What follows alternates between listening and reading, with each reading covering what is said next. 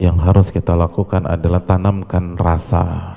Bisa jadi ini Ramadan terakhir kita.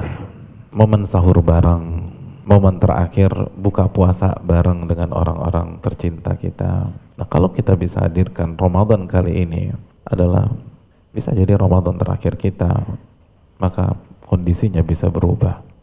Dan itu adalah cara Nabi memotivasi para sahabat. Soli salat muwaddi' Salatlah seakan-akan ini salat terakhir Anda. Antum korban salah tangkap mau dieksekusi Isya ini. Sebelum dieksekusi, antum dikasih kesempatan salat Isya. Kira-kira salat Isya antum khusyuk nggak hadirin?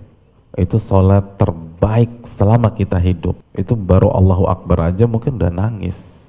Karena kita ingat gimana selama hidup ini kita mengkerdilkan Allah Subhanahu wa taala.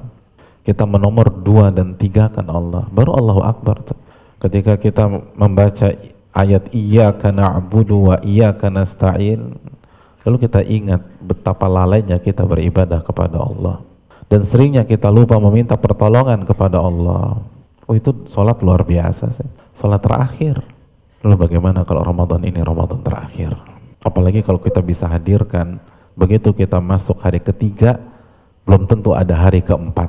Kita masuk hari keempat, belum tentu ada hari kelima. Itu mau diajakin hangout, mau diajakin jalan-jalan, nggak akan mempan tuh. Nggak bisa, ini terakhir.